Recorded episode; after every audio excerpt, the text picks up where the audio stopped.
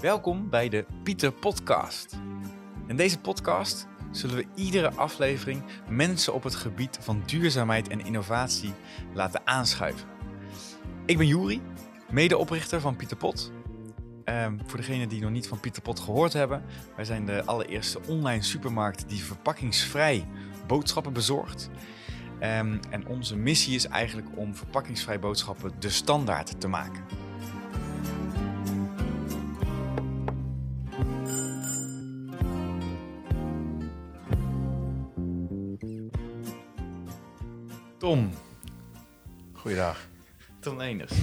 Uh, oprichter van, uh, van Jared Street.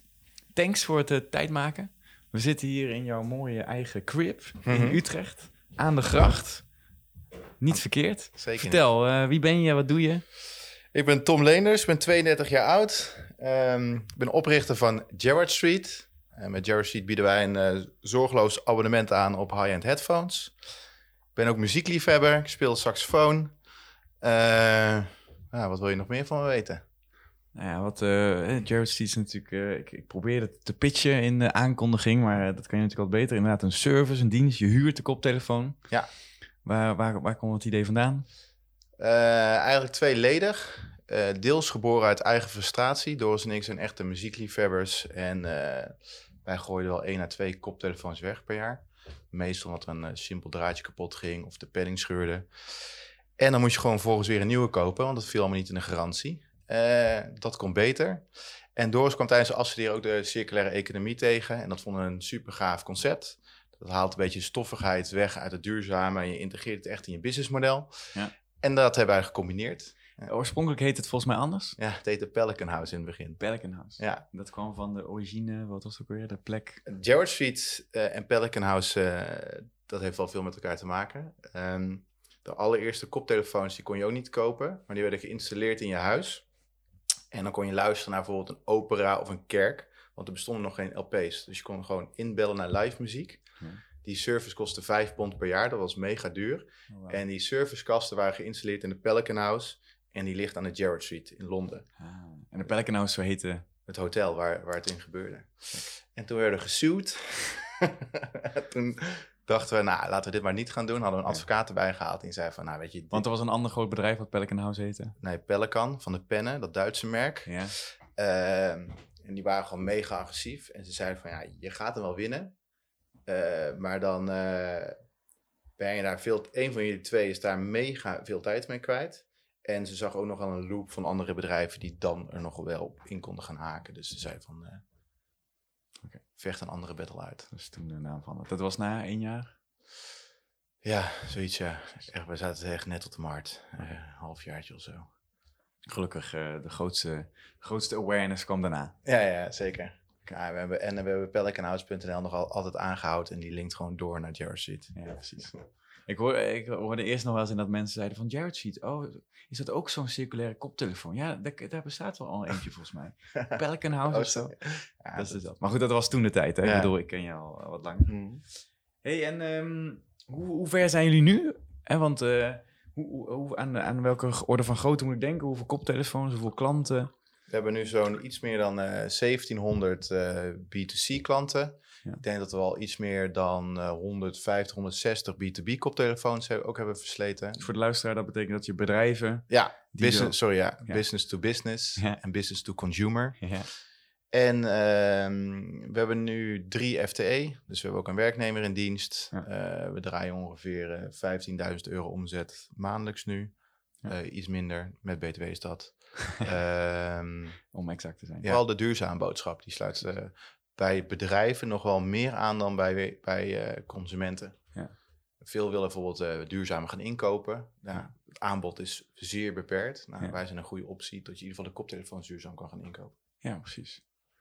Via One Planet Crowd hou je natuurlijk ook wel wat duurzamere mensen binnen. Ja, want dat is, sorry, One Planet Crowd is de crowdfunding platform Ja, waar je eerste crowdfunding Ja. hebt gedaan. En die mensen, sommige daarvan ook zeiden van, nou, we vinden het gewoon een mega gaaf initiatief en daarom steun ik je.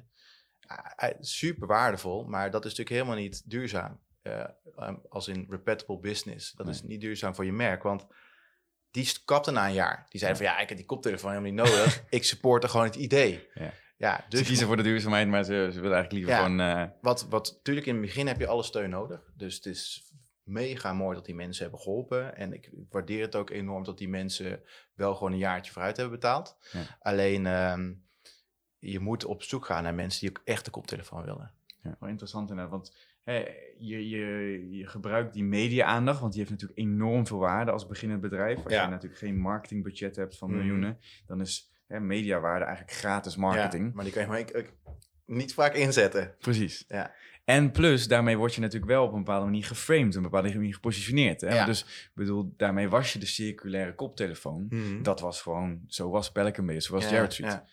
In, eh, terwijl je nu misschien meer inzet op, nee, we zijn, eh, we zijn de gemakkelijke, huurbare koptelefoon. Ja. Net zoals Swapfiets, het gemak. En hij werkt altijd. Ja. En nu zijn het koptelefoons, Mhm. maar de visie gaat verder dan spullen. Of de, ver- verder dan koptelefoons. Eh, zeker. Eigenlijk willen we een wereldwijd merk eh, bouwen omtrent duurzame consumentenelektronica. We zijn nu bezig met True Wireless earplugs. Dat zijn die, eh, weet je, die witte dingen van Apple. Ja. die markt is... eh, Apple heeft eigenlijk in de markt twee keer hetzelfde...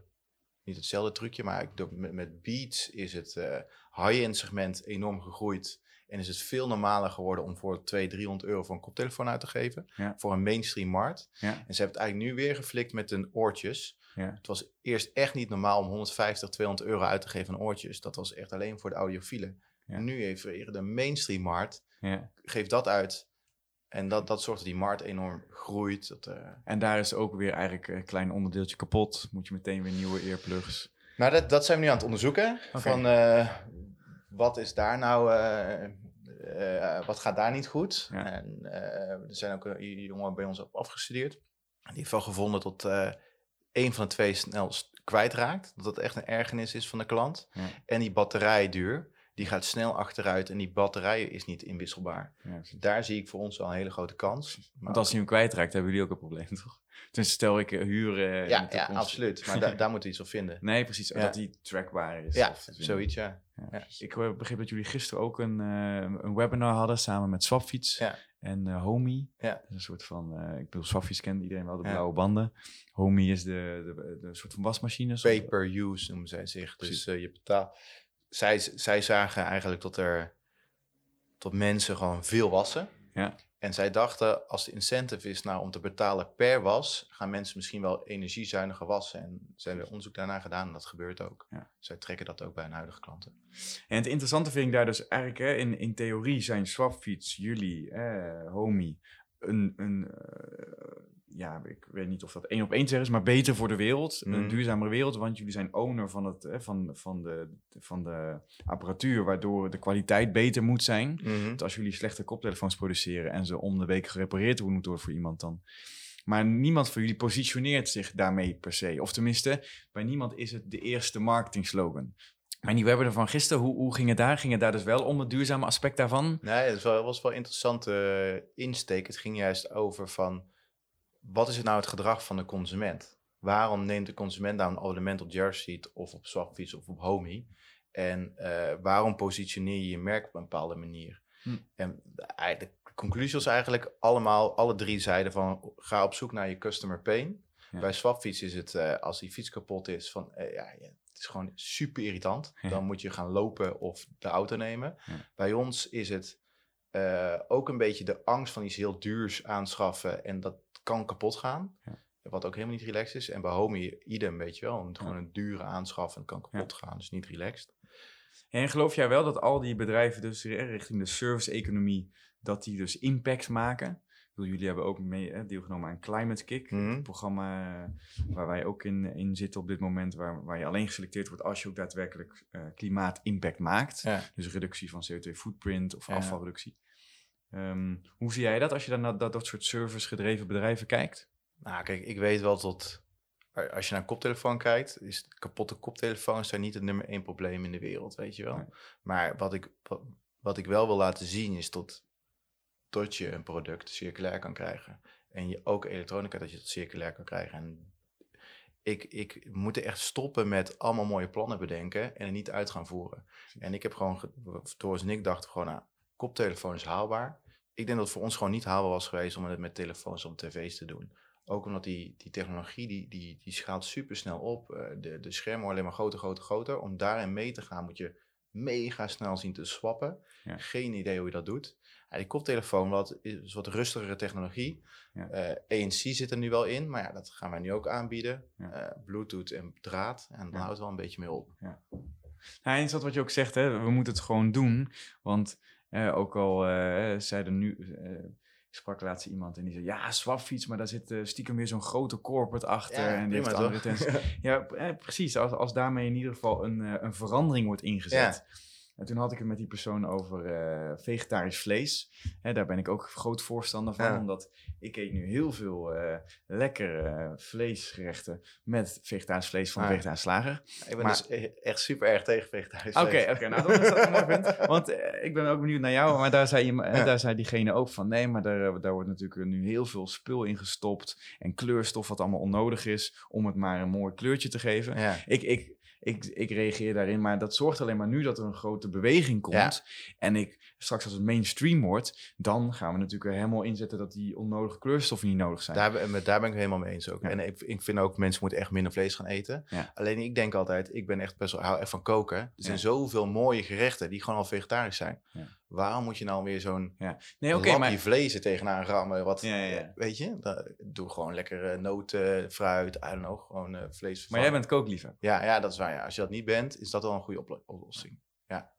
Maar ik geloof wel gewoon dat de commodity, gro- het grote, gro- de grote groep consumenten, ja, die is moeilijk in één keer van vlees af te krijgen. Want vegetarisch voelt voor hen gewoon van, oeh, vegetarisch. Terwijl het is niet zo eh, bijzonder. Maar als je die mensen een eerste stap kan laten maken door een alternatief te bieden wat nu wel nog die smaak geeft. Ja, ja. En dan kunnen we later Dan is je impact natuurlijk ook groter. Precies. Dus, En later kunnen we dus gaan educaten, maar Ja. jongens, nog veel beter is om überhaupt op bonen te gaan eh, Ja. en, en noten. Maar ik geloof niet dat je deze tien mensen op straat kunt overtuigen nu met noten en bonen te gaan laten nee, daar heb je helemaal gelijk in. En als je het zo bekijkt, helemaal mee eens. Maar ik denk wel van puur voor mezelf. In mijn eigen leven zou ik het nooit gebruiken. Omdat ik, wel- ja, ik denk ook veel mensen zijn bang voor verandering. En, en, die, en die, houden, die vinden dan bijvoorbeeld een Tesla ook gewoon los van of het duurzaam is of niet. Is gewoon iets nieuws. En dat vinden ze spannend. En dan vinden ze daar, ja, weet je wel. Ja. Er is maar per het aantal mensen in de wereld die echt open staat voor nieuwe innovatie. Ja. En de rest volgt pas als die eerste groep om is. We hadden in het begin ook heel erg de discussie. Ja, waarom, heb je, waarom begin je niet met duurzame materialen? Ja. Ik zei, ja, dat kan. Maar dan denk ik dat we nog een jaar later op de markt zijn met deze koptelefoon. Precies. En die tractie is voor een investeerder eh, eh, waarschijnlijk belangrijker Ja. dan of dat ding nou net iets, net iets meer Ja. circulair is in het begin. Ja, en daarmee het mooi het haakje te maken naar de financiering. Want eh, het klinkt natuurlijk allemaal mooi wat we doen. We hebben ideeën. Maar hè, hoe zorg je nou van een idee dat het een bedrijf wordt? Daar is uiteindelijk gewoon geld voor nodig. En eh, nou, wij zijn ook begonnen met ons eigen spaargeld. Op een gegeven moment was dat gewoon op. Mhm. En toen hadden we best wel een moeilijke situatie. Nou, gelukkig kwam die crowdfunding. Dus ik denk dat het voor, hè, voor jullie natuurlijk ook gold. Je, je, je begint natuurlijk met een product. Je begint met een kleine financiering. En daarmee ontwikkel je.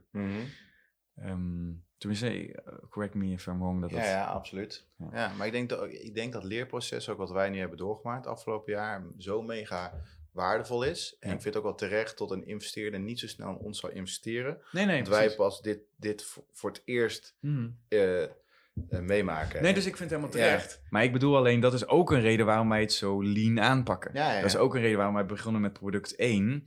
En maar al zeggen, joh, dit is niet het final product. Mhm. Maar wij moeten gewoon beginnen met omzet met klanten. Want anders kunnen we ook niet blijven Maar ontwikkelen. ze zeggen ook wel eens geld maakt dom en lui. Eh, eh, juist, stel je begint met een half miljoen op de bank. Ja. Eh, ik denk ook wel dat je dan hele domme fouten kan maken. Omdat je dan Ja. te snel uitgeeft. En te... Ik denk dat lean dusdanig goed voor je, voor je bedrijf is. Omdat je continu met je klant bezig be- bent. Ja. En dat, je moet niks anders doen dan start-up. Nee. Alleen die klant gewoon Ja. pleasen, weet je wel. Precies. En- En als, als je geen klant hebt die niet betalen. Dan, Exact, dan kan je allemaal investeren. Ja. En dan, dan ben je dat geld gewoon kwijt. Ik, daar, ik heb daar laatst een keer een, eh, een eh, podcast over geluisterd, of een YouTube-filmpje over gezien. Over, ehm, over waarom die, die echte knallers nou allemaal zo falen op, op, eh, op Kickstarter. Ja. En dat heeft ook met eh, een bedrijf moet zeker hardware moet kunnen groeien. Dus eh, eh, je moet eh, een soort van pilot run doen op je Mm. producten. Zeker als het een nieuwe innovatie is van bijvoorbeeld duizend stuks. die naar klanten kunnen sturen, een jaar la- eh, I don't know, een paar maanden laten gebruiken, fouten eruit halen, tweede run. Ja. En zij moeten in, in, in één keer miljoenen van die dingen gaan maken. Nou, geheid in hardware zitten er fouten in. Dat Ja. gebeurt gewoon iedereen. Ja. Dan zit je opeens met miljoen afgekeurde stuks. Dan moet je hele diepe zakken hebben om dat nog een keer te kunnen gaan produceren. Ja. En eh, eigenlijk verkoop je een video Precies. en geen product. precies. En, en zij zien allemaal functionaliteiten, die mensen, die, die denken hierna van, hé, hoe moet dit geproduceerd worden? Die denken, oh vet, dat wil ik. Ja. En later gaan ze pas denken, hé, hoe moet dit eigenlijk? Ja, ja. Ja en, daar, en daarin is, is natuurlijk ook de ondernemer de, de visionair. Ja, En soms een naïveling. En dat Ja. moet ook soms, want als wij die bergen uitdagingen die we nu hebben, hadden gezien van tevoren, dan, dan denk je nog drie keer na. maar hebben jullie, hebben jullie dan eh, in die crowdfunding campagne, hebben jullie toen eh, gezegd van, oké, eh, dit wordt het product? Of waar schreven mensen zich voor in? Nee, dat is een hele, hele goede en terechte vraag. Want in de crowdfunding video bijvoorbeeld eh, zag je ook nog een bakfiets. Hè, want daar hadden Ja, ja. we toen nog het idee dat we zouden gaan samenwerken met fietscouriers. Ja, Eh, en, en eigenlijk vrij kort na de crowdfunding bleek dat fietscouriers niet met retouren werkt. Eh, tenminste, dat wisten we al, maar ze hadden met ons Ja. gepilot in Rotterdam. Wilden gaan kijken voor die retouren, want dat is natuurlijk het hele proces, dat je die lege potten mee terugkrijgt. Nou, en die pilot bleek toen na de crowdfunding, ja, dat, dit gaat gewoon niet werken, dit gaan ze gewoon niet doen voor ons. omdat er te weinig potten zijn. Of, eh, Nee, omdat zij, omdat zij gewoon niet in een logistiek systeem krijgen dat ze met retourzendingen gaan werken. Dus zij willen Ah. gewoon alleen Hey. bezorgen. Plus natuurlijk, het zijn, eh, het zijn boodschappen, het zijn een flink aantal kilo's. En dan met onze glazen potten erbij. Dus daar bleek toen al snel, oké, we moeten met een andere partij gaan werken. Nou, PostNL is een van de duurzaamste bezorgers. mhm. Plus, bezorgen in ieder geval in heel het land, ook buiten de stad, zodat je niet alleen in de steden bezorgt, Mhm. dan krijg je maar ook in het buitengebied. Plus, eh, eh, meteen berekeningen laten doen of dat dan nog wel duurzamer was, want Ja. daar gaat het ons natuurlijk om. En zo'n life cycle analysis gedaan, zoals dat heet, dat zelfs als je met een busje bezorgd krijgt in the middle of nowhere, nog steeds duurzamer is dan dat je om de hoek boodschappen doen, ook al zou het in gerecycled karton zitten. Ja. Omdat dat busje rijdt voor een, eh, op een route voor 20 gezinnen, Mhm. Terwijl een gezin in een buitengebied rijdt sowieso naar de supermarkt met de auto Ja. voor één gezin. Plus het recyclen van, eh, van zelfs karton het kost nog zoveel energie. En het is de, eh, de case eh, tussen een flesje bier of een blikje bier. Als dat flesje tien keer rond is gaan, is het duurzamer dan Ja. een blikje. Maar ze zeggen ook wel eens eh, als, als ondernemer van als je je niet schaamt voor je eerste product dat je op de markt hebt gezet, Ja. gezet of zo, weet je, dan ben je te laat naar de markt gegaan. Precies. En eh, daar geloof ik ook wel echt heilig in, want jij hebt nu wel klanten gesproken die andere dingen van de propositie bijvoorbeeld wel weer super vonden. Ja. Kijk, en dat kan je meenemen in die doorgroei. En dat Ja. had je nooit geweten als je nu had gezegd, oh, we moeten toch alles met bakfietsen gaan doen. Nee. Dus ga een tweede investering ophalen om te zorgen dat we in heel Nederland met bakfietsen, ja, dat gaat niet werken. Nee. Dat had je nooit voor elkaar gekregen. Nee, precies. En er Ja. zijn altijd betere partijen in bezorgen, denk ik. Jullie gaan gewoon Daarom, precies. verpakkingloze supermarkten, Ja. eh, ga je acen. Ja. Daar moet je op focussen en je hebt gewoon partners daarvoor nodig. Ehm, als ik inmiddels eh, Jared intyp op Google, dat deed ik eh, vanmiddag natuurlijk Mm. even research, kreeg ik Fashion Rebel bovenaan. Dat is natuurlijk ook een partner. Ja. Eh, leg uit hoe, hoe die stap met jullie bij, bij jullie is gegaan en wat dat. Nou, dat was echt een. wij, eh, twee jaar geleden hadden wij. we hadden eigenlijk alleen een. de Bird. Die is vernoemd naar Charlie Parker, die saxofonist. En de beurt is een, eh, want jullie hebben verschillende, verschillende Ja, koptelefoons. dat is onze allereerste koptelefoon. Die we met de crowdfunding campagne, zeg maar, hadden. Die heet de beurt. Ja. En eh, gewoon een ouderwetse koptelefoon met draad. En eh, die hadden we op de markt gebracht. En die werd eh, ook deels goed ontvangen. Maar we wisten gewoon, we moeten stappen maken om, om dit beter modulair te krijgen. Oh, kabel ging vaak kapot, want we monitorden gewoon alle schades. Dus er waren een aantal ver- verbeteringen. En we wilden naar draadloos. Dus ja, ik, eh, ik ben verantwoordelijk voor Jersey binnen productie. Dus ik ging gewoon met Chinese bedrijven, want ja, daar wordt het wel allemaal geproduceerd. Offertes aanvragen, allemaal op afstand, mega dom. En wij merkten gewoon, we waren ook in gesprek met investeerders, die vonden dat spannend. Van die, mer die merkten gewoon, ja, dit zijn gewoon twee gasten, cowboys. Als ik hier geld in stop en ze, de, al mijn geld kan gewoon... kan heel hard gaan, maar ja, het kan ook ja, ja, ja, heel hard fout gaan. En ehm toen zaten wij in een kantoorpand en eh, daar, daar de oprichter van, die kende de oprichter van ehm, Fashion Rebel. En eh, zodoende werden we aan hem gelinkt en die zei van ga eens praten met Wat hun. is, wat is Fashion Rebel? Dat is een eh, Nederlands koptelefoonmerk.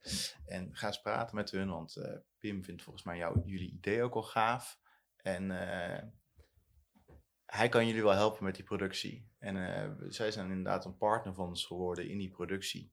En uh, zij staan ook helemaal achter ons businessmodel. En vinden het ook, hij vindt het mega interessant hoe wij het doen. Dat, direct to consumer, weet je wel.